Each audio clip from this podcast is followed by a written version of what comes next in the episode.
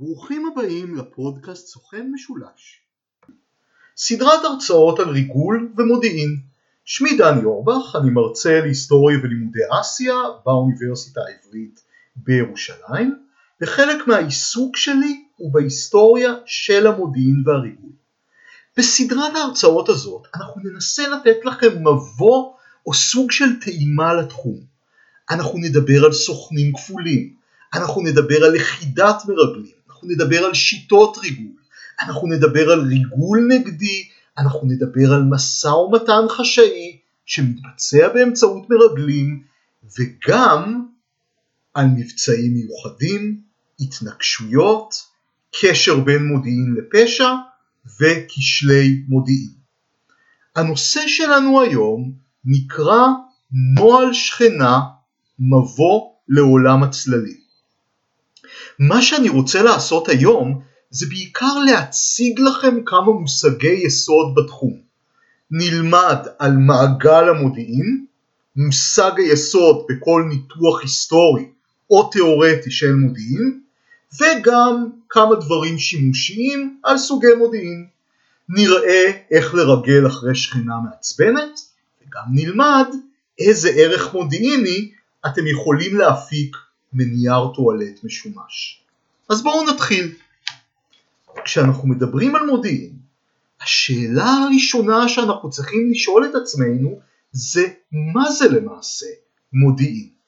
אברהם שולסקי וגרי שמיט, שני חוקרי מודיעין אמריקאים בכירים, כתבו בספר שלהם לוחמה שקטה את ההגדרה הבאה, ואני מצטט: מודיעין הוא מידע שרלוונטי לממשלה במהלך עיצוב ויישום מדיניות שמטרתה לקדם את הביטחון הלאומי או להתמודד עם איומים מצד יריבים ממשיים או פוטנציאליים. הנשימה שלכם נגמרה? גם שלי.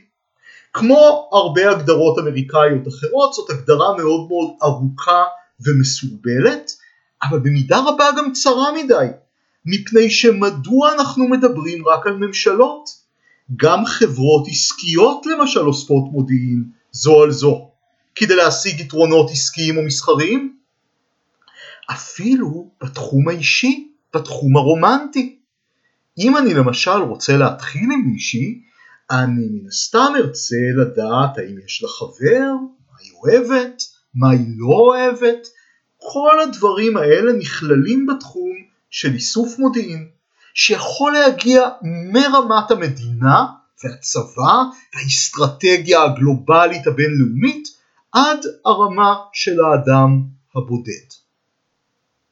לכן אנחנו נגדיר מודיעין בפודקאסט הזה כמידע עדכני ורלוונטי שעשוי לסייע לנו בקבלת החלטות וביישום מדיניות. חשוב מאוד שהמידע יהיה עדכני ורלוונטי, זה קריטי, מכיוון שאם הוא לא עדכני לא ניתן לקבל החלטות על סמך המידע הזה, ואם הוא לא רלוונטי על אחת כמה וכמה, העדכניות והרלוונטיות זה מה שמבדיל בין מחקר מודיעיני לבין מחקר אקדמי או כתיבה עיתונאית. המידע שאנחנו אוספים עשוי להיות גלוי, למשל מעיתונות, אבל במקרים רבים הוא סמוי וסודי, ולכן קשה להשיג אותו. המושג החשוב הבא שאנחנו נכיר ונלמד במסע שלנו לתוך עולם המודיעין הוא מעגל המודיעין. מעגל המודיעין הוא מודל תאורטי של סדרת פעולות מעגליות, כלומר הן מובילות זו לזו במעגל שמרכיבות ביחד את העשייה המודיעינית. אם תרצו סדרה של שלבים נפרדים שנעים במעגל. והשלבים האלה הם ציון ידיעות חשובות, או בקיצור צי"ח, שמוביל לאיסוף מודיעין, משם אנחנו הולכים למחקר מודיעיני, מהמחקר אנחנו הולכים להערכה, מהערכה להפצה, ושוב לצי"ח וחוזר חלילה. מעגל המודיעין מתחיל בצי"ח, בציון ידיעות חשובות. שירותי המודיעין הם ארגונים עם משאבים מוגבלים. הם לא יכולים לאסוף מודיעין על הכל. לכן מנהיגי המדינה, קברניטים, נותנים לשירותי המודיעין רשימת שאלות לפי סדר עדיפויות. ראשית כל, למשל, עדיפות ראשונה, ואני סתם נותן דוגמה מהמודיעין הישראלי, דוגמה היפותטית, עדיפות ראשונה זה איראן, עדיפות שנייה חמאס, עדיפות שלישית ג'יהאד עולמי, עדיפות רביעית נשק לא קונבנציונלי. במסגרת סדר העדיפויות האלה, הזה, הקברניטים נותנים לאנשי המודיעין רשימת שאלות. איזה מידע חסר לנו ועל מה אנחנו רוצים שאתם תענו. למשל, האם איראן מתכוננת למלחמה נגד ישראל? האם איראן מתכננת פצצת גרעין? האם פני החמאס לרגיעה או לסיבוב הסלמה נוסף? אלה רק דוגמאות מעטות לשאלות שהקברניטים יכולים לשאול את המודיעין במסגרת הצי"ח. הצי"ח עובר ראשית כל למחלקת איסוף. אותה מחלקה שאחראית על איסוף המודיעין שנועד לענות על השאלות של הצי"ח. אנחנו נדבר המון על איסוף בסדרת הפודקאסטים הזאת בסוכן משולש. איסוף יכול להיות ריגול, איסוף יכול להיות האזנה, כל דרך לאסוף מידע. אנשי האיסוף אוספים כמיטב יכולתם מידע שלדעתם יכול לתת תשובות לשאלות של הקברניטים בצי"ח ולמידע הזה שהם אוספים קוראים מודיעין גולמי. המודיעין הגולמי לא שימושי בפני עצמו. למה הוא לא שימושי בפני עצמו? מפני שהידיעות שמחלקת איסוף מלקטת הן במידה רבה אקראיות, נטולות הקשר, מקוטעות, לפעמים סותרות זו את זו, ואין פלא. זה הרי מידע שנאסף מפה ומשם מגורמים שונים. מחלקת מחקר מקבלת את אותו מודיעין גולמי ואמורה להפוך אותו לסוג של סיפור מסודר, קוהרנטי, עם התחלה, אמצע וסוף, מה שנקרא תמונת מודיעין. הרעיון הוא גם לתייק את תמונת המודיעין בתוך המידע הקיים שכבר יש לנו, באופן מסודר, כדי שאם הקברניטים ירצו מידע על משהו הם יוכלו לשלוף אותו בקלות מהתיקייה. זה נורא חשוב בעולם המודיעין. מידע לא נגיש ולא מסודר הוא מידע לא קיים. במקרה כזה אי אפשר להשתמש בו. המחקר במסגרת תמונת המודיעין מנסה לברר מה המשמעות של הידיעות שמחלקת איסוף אספה. למשל, מחלקת איסוף אספה הרבה מאוד מידע על הצבא המצרי. חופשות, כוננויות, נשק, תנועת כוחות. זה התפקיד של מחלקת מחקר לומר תמונת המודיעין מצביעה על כך שהצבא המצרי מתכונן למלחמה מול ישראל. ובמסגרת הזאת מחלקת מחקר צריכה להפריד עיקר מטפל, להצליב ידיעות שונות לבדוק מה נכון, מה לא נכון, מה סביר יותר, מה סביר פחות, ולהביא תמונת מודיעין מגובשת לשלב הבא. השלב הבא הוא שלב ההערכה. התפקיד של מחלקת הערכה זה לקחת את תמונת המודיעין של מחלקת מחקר ולהסיק ממנה מה המשמעויות של תמונת המודיעין לעתיד הקרוב. מה יקרה בעתיד הקרוב? כמובן בהתאם לשאלות ששאלו הקברניטים. התחומים של מחקר והערכה הם חופפים במידת מה ובכל זאת נפרדים. הם נפרדים מפני שתפקיד המחקר הוא לתאר לנו מציאות אבל לא לחזות את העתיד, גם לא העתיד הקרוב. למשל מחלקת מחקר יכולה לומר לנו שהצבא הסורי מתכונן למלחמה מול ישראל ומסוגל לתקוף את ישראל. אבל האם נשיא סוריה בשאר אל-אסד אכן נתן את הפקודה לתקוף את ישראל או מתכוון לתקוף את ישראל? האם התקפה על ישראל סבירה בעתיד הקרוב?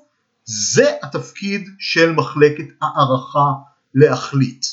מה שנקרא הערכת המודיעין בישראל, הערכת המודיעין הלאומית, עוברת לקברניטים. אבל לפני שנגיע לשלב האחרון, שהוא שלב ההפצה, חשוב לי להבהיר לכם שמדובר בקומות, ואם שלב אחד במעגל המודיעין הוא לקוי, כל תמונת המודיעין יכולה לקרוס.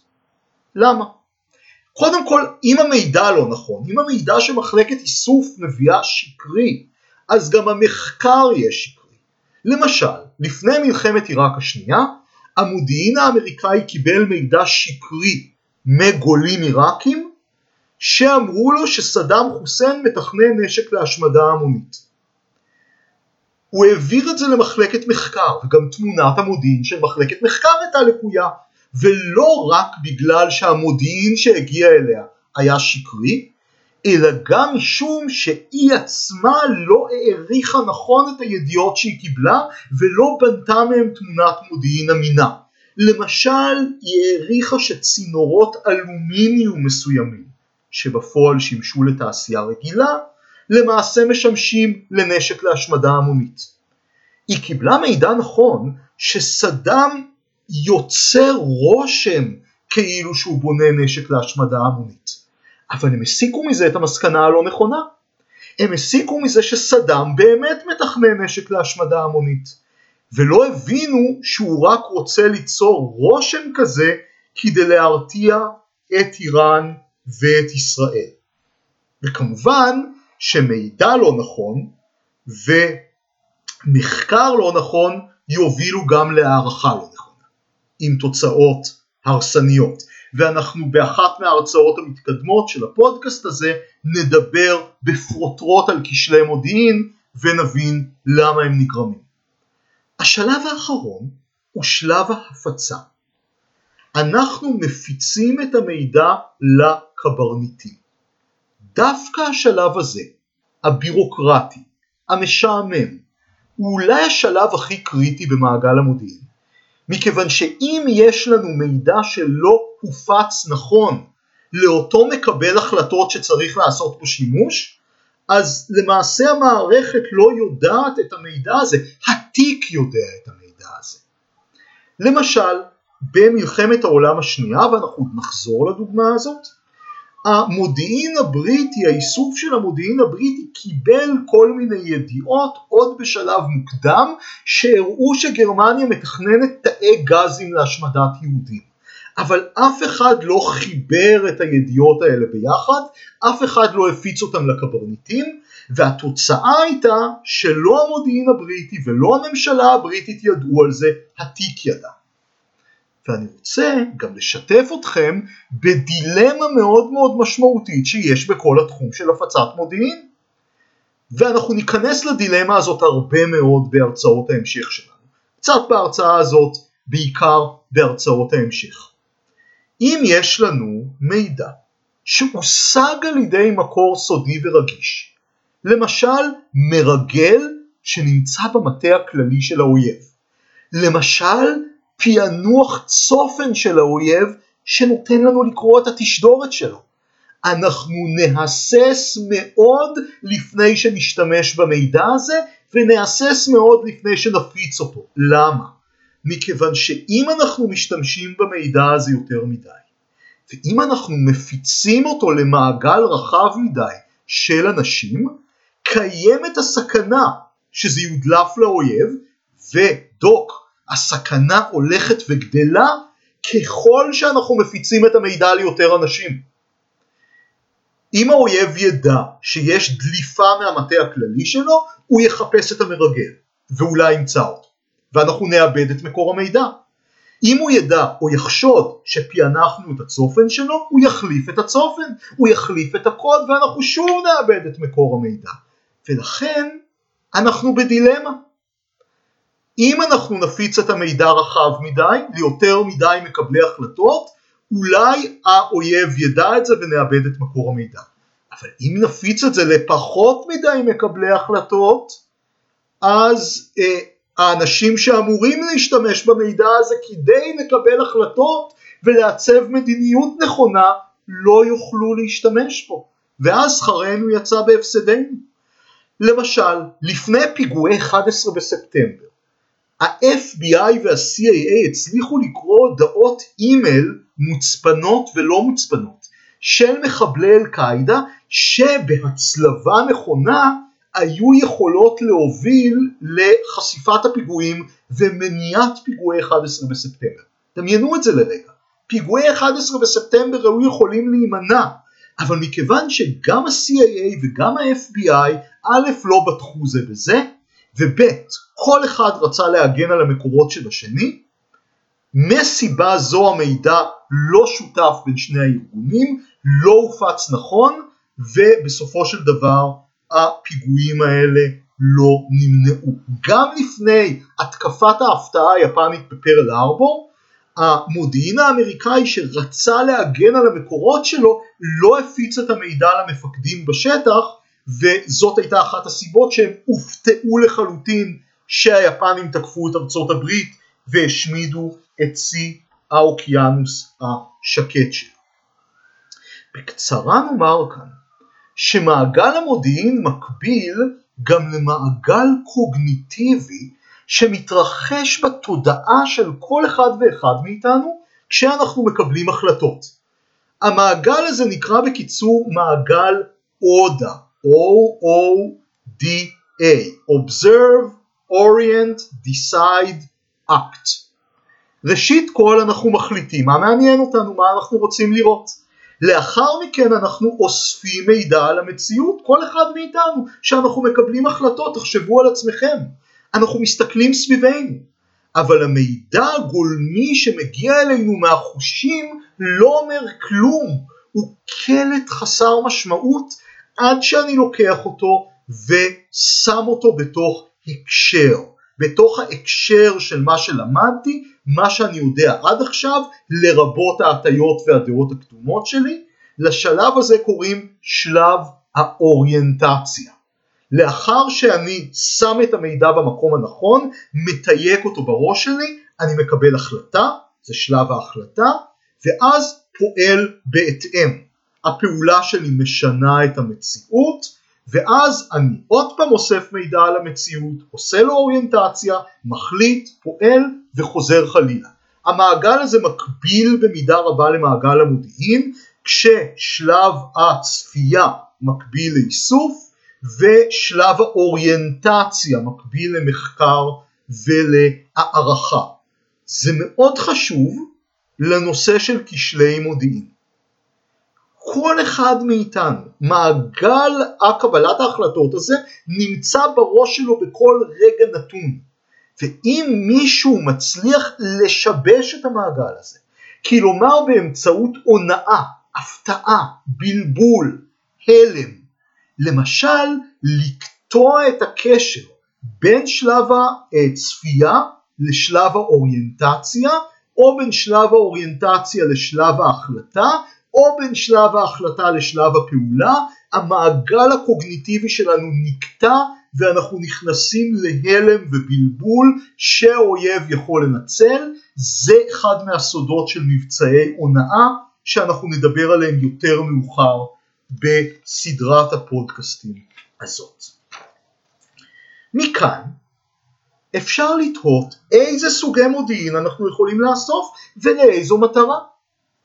מודיעין יכול לשמש למטרות רבות אפילו ב, אם אנחנו מצמצמים את עצמנו כרגע למלחמה ומדיניות חוץ ולא מדברים למשל על מודיעין עסקי ומודיעין אישי ודברים אה, אחרים שחורגים מרמת היחסים הבינלאומיים. לפעמים במלחמה אנחנו אוספים מודיעין טקטי, מודיעין של השטח. אם אני מפקד חטיבת טנקים שעומד לתקוף מוצב סורי במלחמת יום כיפור, אני רוצה לדעת הכל על המוצב הזה. אני רוצה לדעת כמה טנקים יש בו, אני רוצה לדעת את הטופוגרפיה, אני רוצה לדעת איפה נמצאים מחסומי הדרכים, אני רוצה לדעת כמה חיילים יש לאויב, אני רוצה לדעת כמה נשק יש לאויב. אם אין לי את המודיעין הטקטי הזה אני עיוור. ומבצע שאין לו מספיק מודיעין טקטי מסתיים בסופו של דבר בכישלון. מודיעין אופרטיבי זה מודיעין שנועד לספר לנו על החזית, על חזית מסוימת, למשל באיזה נתיב ולאיזה כיוון נעה דיוויזיה מצרית, עוד פעם אני נותן את הדוגמה, במלחמת יום כיפור. מודיעין אסטרטגי אמור לנהל את המלחמה כולה או את מדיניות החוץ, והוא כבר רמה אחת מעל, רמה גבוהה יותר. מה מתכננת מצרים לעשות? האם פניה למלחמה או לשלום? ואם פניה למלחמה, אפילו שהמלחמה כבר התחילה, מה מטרות המלחמה של נשיא מצרים סאדאת? האם, ואנחנו שוב במלחמת יום כיפור, האם הוא רוצה לכבוש את כל סיני? האם הוא רוצה להגיע רק למעברים? האם הוא רוצה להשמיד את ישראל? או שהוא רק רוצה לחצות את תעלת סואץ עשרה קילומטרים כדי להציל את הכבוד הערבי. ומעבר לשלושת הרמות הללו, יש לנו מודיעין בסיסי. מודיעין בסיסי פירושו שאנחנו רוצים ללמוד על חברת האויב, מדינת האויב, צבא האויב, כמה שיותר דברים שלא בהקשר ספציפי של מבצע צבאי או פעולה. אנחנו רוצים להכיר אותו. קריאת עיתונות למשל יכולה מאוד מאוד לעזור. מי שקורא עיתונות מכיר את האויב, מכיר את ההקשר שבו פעולות האויב מתבצעות. למשל, אם אני יודע שנשיא מצרים אמר משהו לשיחה, בשיחה עם נשיא סוריה, אני רוצה להבין את השיחה הזאת בתוך ההקשר התרבותי והפוליטי והחברתי של מצרים באותה תקופה. והמודיעין הבסיסי הזה מאוד חשוב כדי לשים את המידע הגולמי שלנו בתוך הקשר. לפעמים מודיעין בסיסי שהוא כביכול חסר ערך בפני עצמו יכול מאוד לעזור לנו גם במבצעים ספציפיים. למשל במבצע מוקד לפני מלחמת ששת הימים ישראל השמידה את כל חיל האוויר המצרי על הקרקע. היא בחרה את שעת ההפצצה בשעה שבו היה ידוע שהטייסים אוכלים אה, את ארוחת הבוקר והקצינים תקועים בפקקי התנועה של קהיר בדרך לבסיסים. לדעת מתי פקקי התנועה, לדעת מתי שעת ארוחת הבוקר, כל זה הוא במסגרת מודיעין בסיסי שאוספים במשך הרבה מאוד זמן. עכשיו, מודיעין אפשר לאסוף בהרבה מאוד דרכים. ובשביל להדגים לכם את סוגי האיסוף המודיעיני, אני רוצה לתת תרחיש מחיי היומיום. לכן גם קוראים להרצאה הזאת נוהל שכנה. דמיינו שיש לכם שכנה מעצבנת, שלא נותנת לכם מנוחה יום ולילה, מנגנת בגיטרה חשמלית בשלוש בבוקר, דופקת בפטישים על הקירות באחד לפנות בוקר, כלומר משגעת אתכם, ואתם מגלים באמצעות איסוף מודיעין בסיסי שהיא מפעילה בדירה עסק לא חוקי לייצור פאות נוכריות. ואתם גם יודעים שבעל הבניין מעיף מהבניין כל מי שמנהל עסקים לא חוקיים. ולכן אתם רוצים לאסוף מספיק ראיות על העסק הלא חוקי של השכנה מספיק מודיעין כדי שתוכלו להיפרע ממנה ולסלק אותה מהבניין. לפני שאנחנו מדברים על סוגי האיסוף, צריך להסתכל על היעד. עד כמה היעד מבוצר, עד כמה הוא מוגן, עד כמה קל או קשה לאסוף עליו מודיעין, מה נקודות התורפה שלו. בהקשר הזה, דירת שיכון רעועה היא מטרה יותר קלה מדירת פאר במגדלי הקירוב שיש שומר בלובי או מווילה של מאפיונר מלאה בשומרים חמושים ובוודאי מטירה שמוקפת בחומה וחפיר אבל כמעט לכל יעד יש נקודות תורפה וכשאנחנו אוספים מודיעין על יעד מסוים אנחנו מנסים לגלות את נקודות התורפה האלה ועליהם יעבדו השיטות השונות של האיסוף המודיעיני. אולי שיטת איסוף המודיעין הוותיקה ביותר היא יומינט או מודיעין אנושי. מודיעין אנושי הוא כל מה שקשור לאיסוף מודיעין מבני אדם. כל סוגי בני האדם. מרגלים, סוכנים, חקירת שבויים. אנחנו יכולים למשל לאסוף מודיעין על השכנה. אם נעסיק סוכן שיש לו כישורים חברתיים מאוד מאוד גדולים, הוא יתיידד איתה ויצלם לה בחשאי את הבית כדי להביא לנו ראיות שהיא מנהלת עסק לא חוקי. אם הסוכן יוצר קשר עם השכנה באמצעות פיתוי רומנטי, קוראים לזה מלכודת דבש, ועל זה אנחנו נדבר בהרצאה הבאה שנדבר על שיטת העבודה המודיעינית או טכניקות של ריגול. דרך אחרת, אה, קצת פחות אלגנטית, אבל מאוד מאוד נפוצה, של איסוף מודיעין אנושי, זה חיטוט בפחי אשפה, כדי למצוא מסמכים. ואתם לא תאמינו כמה אנשים יכולים להיות רשלנים ואיזה דברים הם זורקים לפח. למשל בריגול תעשייתי, אם אנחנו רוצים לגלות סודות מסחריים של חברה אחרת, חיטוט בפחי האשפה זאת אחת השיטות האהובות והנפוצות ביותר, וזה גם לא אה, תופס תשומת לב, אתם שוכרים איזה הומלס, או מישהו שנראה כמו הומלס, שיחטט בפחי האשפה של השכנה, כדי למצוא למשל שרידים של פאות נוכריות, או מסמכים שמעידים על אותו עסק לא חוקי. ופה אני רוצה לספר לכם סיפור. במלחמה הקרה, הרבה מאוד מהמאבק החשאי בין ארצות הברית והגוש המערבי מחד, וברית המועצות והגוש המזרחי מאידך, היה בגרמניה המחולקת. כאשר גרמניה המערבית הייתה כמובן מדינה שתמכה בארצות הברית, וגרמניה המזרחית הייתה מדינה שתמכה בברית המועצות. לפי ההסכמים שנחתמו בסוף מלחמת העולם השנייה, לשני הצדדים, גם לברית המועצות, גם לארצות הברית, לכל צד היה מותר לשלוח מה שנקרא ועדת קישור של קצינים לשטח של הצד השני. וועדות הקישור האלה כמובן ניסו לאסוף מודיעין, אבל הצד השני כמובן ניסה להסתיר.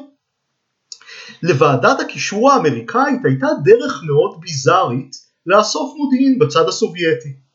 הם גילו, עוד פעם באמצעות מודיעין בסיסי, ואין לי מילים עד כמה מודיעין בסיסי זה דבר חשוב, שהחיילים הסובייטים לא מקבלים אספקה סדירה של נייר טואלט. והבנתי שגם בצבא הרוסי היום זאת בעיה. אז הם לא מקבלים אספקה סדירה של נייר טואלט, אבל לשירותים צריך ללכת, נכון? אז מה שקרה, שהחיילים הסובייטים נהגו לנגב את ישבנם בכל מה שהם מצאו לידם, שהרבה פעמים זה היה מסמכים מסווגים, חלקם רגישים מאוד, והוועדה האמריקאית נהגה לעבור ליד המכרעות ופשוט לקחת את אותם מסמכים ששימשו כנייר טואלט משומש. ואני אישית שמעתי ממישהו שהיה באחת הוועדות האלה שהם אספו מודיעין עשיר מאוד על הצבא הסובייטי, על הצבא האדום במזרח גרמניה, באמצעות השיטה הזאת. אז סיימנו לדבר על מודיעין אנושי. שיטת איסוף נוספת היא מה שנקרא מודיעין חזותי. ויזית. במקרה של השכנה, הדבר הפשוט ביותר אולי הוא יהיה לנסות למצוא נקודה שבה נוכל, ממנה נוכל להשקיף על הדירה שלה באמצעות משקפת ולצלם תמונות מרשיעות. במאבק בין מדינות כמובן משתמשים ברחפנים, במטוסי סיור, בלוויינים ובאמצעים טכנולוגיים יקרים ומורכבים אחרים. יש תחום שלם במודיעין שנקרא פענוח תצלומים. מקצוענים עוברים על אותם התצלומים שמגיעים הן מהמשקפות והן ממטוסי הסיור והן מהלוויינים ומנסים להבין אותם באמצעות מפתח.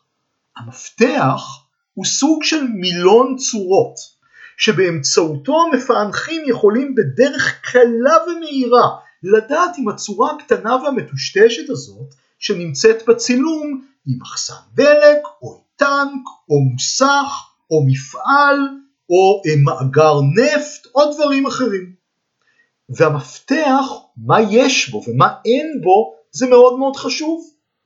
ועוד פעם אני חוזר לדוגמה של מלחמת העולם השנייה והמודיעין שהבריטים קיבלו על השמדת היהודים.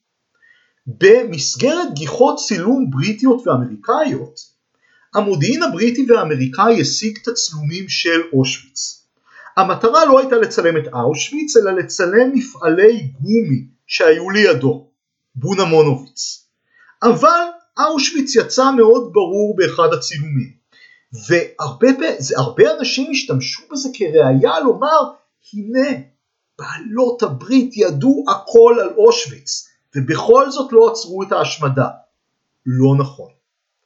מכיוון שעד לקראת אמצע שנת 1944 אף אחד לא הבין שמה שרואים שם זה תאי גזים. אלה היו מבנים מוערכים, דמויי גשר, המפענחים לא ידעו מה זה תא גז, הם לא ידעו שאמור להיות דבר כזה, אף אחד לא ביקש מהם לזהות את זה, אף אחד לא לימד אותם לזהות את זה, ולכן, הפתעה גדולה, הם לא זיהו את זה. כמובן שהאויב יכול לנקוט בהרבה מאוד אמצעים כדי לבלבל את הוויזינט, את המודיעין החזותי שלנו. אם אנחנו בדוגמה של השכנה, שוב, היא יכולה לסגור את הווילונות. ואז לא משנה מאיזו נקודה ננסה לצלם, אנחנו לא נצליח להשיג תצלומים מרשיעים. וגם כשאנחנו אוספים מודיעין חזותי על האויב באמצעות לוויינים או מטוסים, יש דרכים יחסית זולות ופשוטות לבלבל את אמצעי האיסוף. למשל פחי עשן, למשל דגמים, בונקרים הרבה פעמים אנחנו אה, משלבים אותם בתוך היער, שמים עליהם עצים או אבנים או עלים כדי שהאויב לא יוכל לזהות אותם בצילום מלמעלה. לפעמים אנחנו יכולים לנצל את המודיעין החזותי, את הוויזיט של האויב נגדו למטרות הונאה. במלחמת העולם השנייה, בחזית של צפון אפריקה, הבריטים יצרו למשל יחידות צבא שלמות שהיו עשויות מקרטון, כדי שהאויב הגרמני יחשוב שיש להם יותר יחידות טנקים. אנחנו עוברים לשיטת איסוף המודיעין הבאה שהיא קריטית והיא נקראת סיגינט מודיעין אותות. סיגינט מחולק פחות או יותר לשני סוגים, קומינט שזה האזנה לשיחות ואלינט שזה האזנה לאותות אלקטרוניים של מערכות נשק כדי ללמוד על נקודות החוזק והחולשה שלהם. אנחנו כאן נדבר יותר על קומינט מאשר על אלית. למשל, במלחמת העולם השנייה הבריטים הצליחו לפענח את הצופן הגרמני, את האניגמה, וכך להאזין לשיחות בעיקר בצי הגרמני, פחות בצבא, דווקא לביון הגרמני, הם הצליחו להאזין די טוב, וכך הם למדו המון על מאמץ המלחמה הגרמני. עולם הצפנים ופענוח הצפנים הוא חלק מאוד עיקרי בכל מאמץ סיגינטי, מכיוון שבמלחמה אף אחד שהוא שפוי לא ידבר שיחה צבאית, שיחה סודית, אם השיחה אינה מוצפנת. ומשתמשים במכונות הצפנה מאוד מתוחכמות. אחת ממכונות ההצפנה המתוחכמות ביותר הייתה מכונת ההצפנה הגרמנית שנקראה אניגמה. מי שהצליחו לפענח את הצופן הזה, שבאמת נחשב בלתי ניתן לפענוח, היה דווקא המודיעין הפולני בשנות ה-30. המודיעין הפולני היה מאוד טוב במתמטיקה תאורטית והמתמטיקאים הפולנים הצליחו לפענח את הצופן הגרמני והם נתנו את מפתחות הפענוח האלה לבריטים. המודיעין הבריטי במהלך מלחמת העולם השנייה היה צריך להתמודד עם הצפנה הרבה יותר משוכללת של הגרמנים ובכל זאת באמצעות תפיסת ספרי צופן, באמצעות אה, מאמץ מתמטי וטריקים אחרים הצליחו לפענח חלק גדול מהצופן של הצי הגרמני. איך הם עשו את זה? הניסיון היה למצוא עריסה, מה שנקרא עריסה, כמו עריסה של תינוק. זה אומר לזהות בהודעות הגרמניות שנתפסות מילים שגורות. היי ליטלר, אנא תגובתך, או מילים שהופיעו בתחזיות מזג אוויר. לפעמים עשו מה שנקרא גינון, כלומר יצרו מצב שיגרום לגרמנים לדבר על משהו. שתלו מוקשים ימיים באזור מסוים, ואז חיפשו בהודעות הגרמניות את המילה מינה, מוקשים. בסופו של דבר, ההצלחה הבריטית לפענח את הצופן הגרמני סייעה מאוד לבריטים לנצח את הגרמנים בקרב על האוקיינוס האטלנטי, לנטרל את הצוללות הגרמניות שפגעו בשיירות האספקה הבריטיות והאמריקאיות, וכך פענוח האניגמה, אותו מאמץ סיגינטי, נתן תרומה עצומה לניצחון של בעלות הברית במלחמה.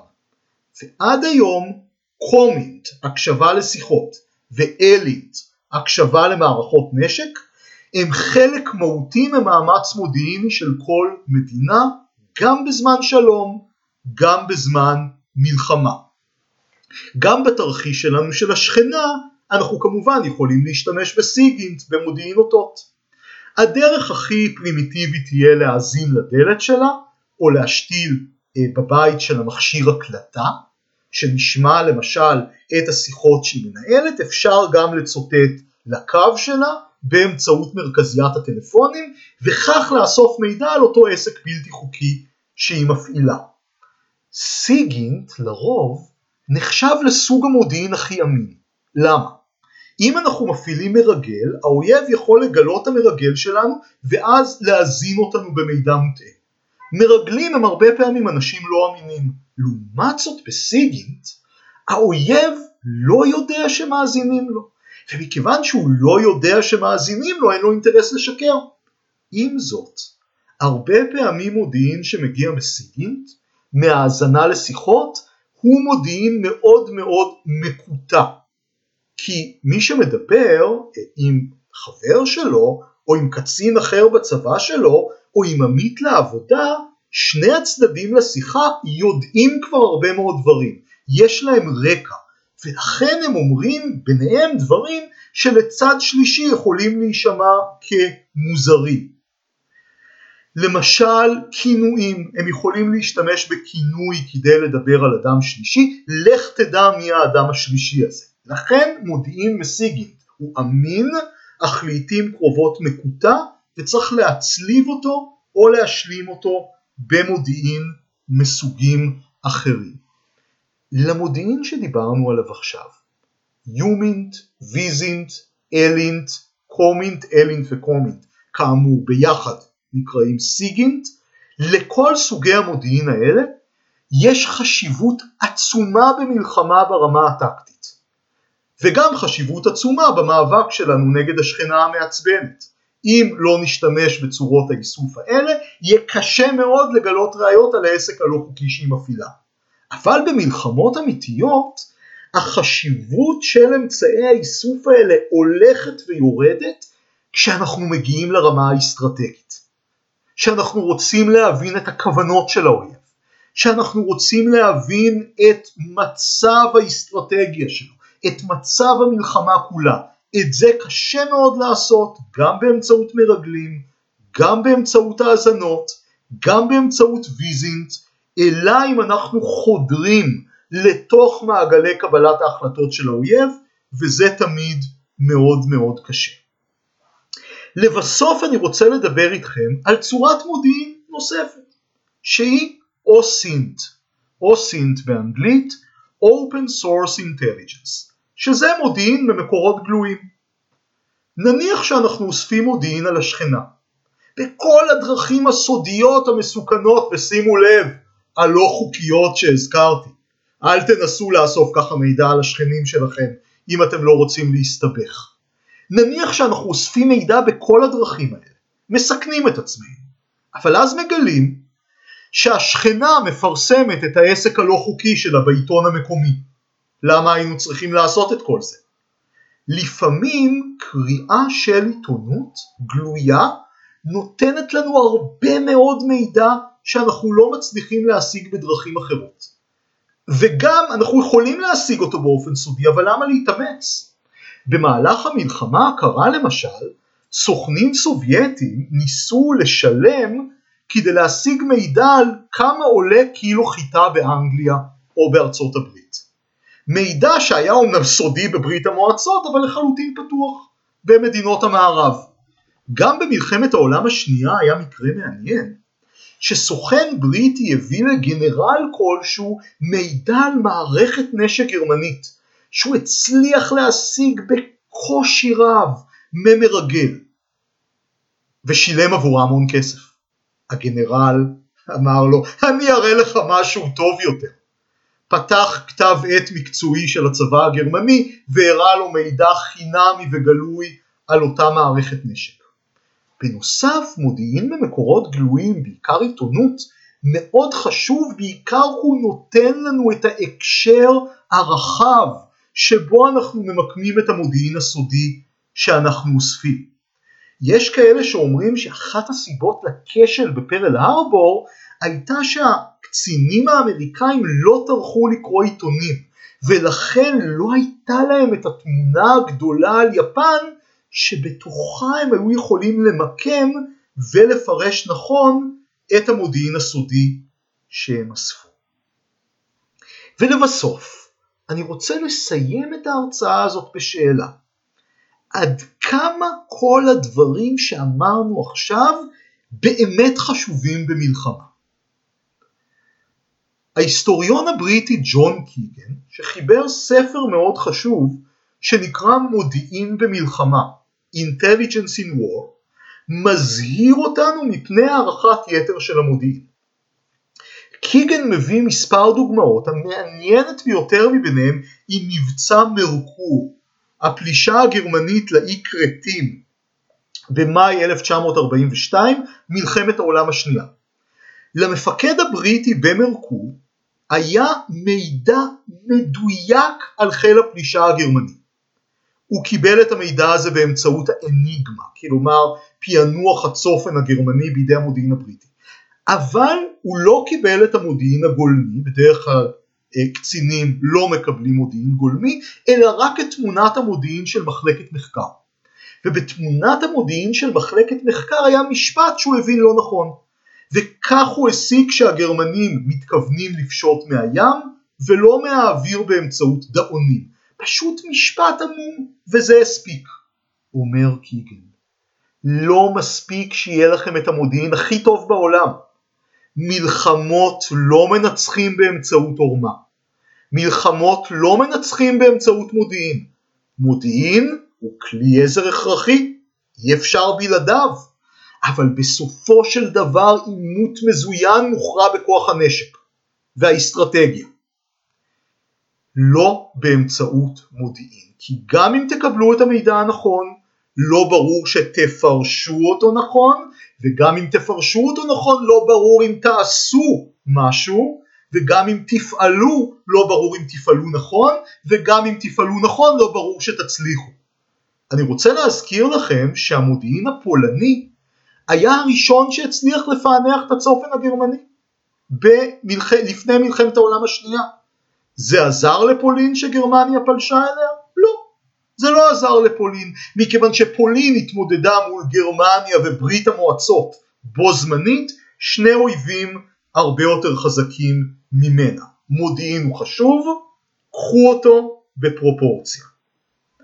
בפרק הבא של הפודקאסט אנחנו נדבר על תורת הריגול, תורת העבודה המודיעינית, מה שנקרא tradecraft, ואז אנחנו נבין איך ריגול עובד באמת, משם נצלול לעולם הסוכנים הכפולים, ובסופו של דבר נגיע למודיעין נגדי ופייק ניוז. להתראות.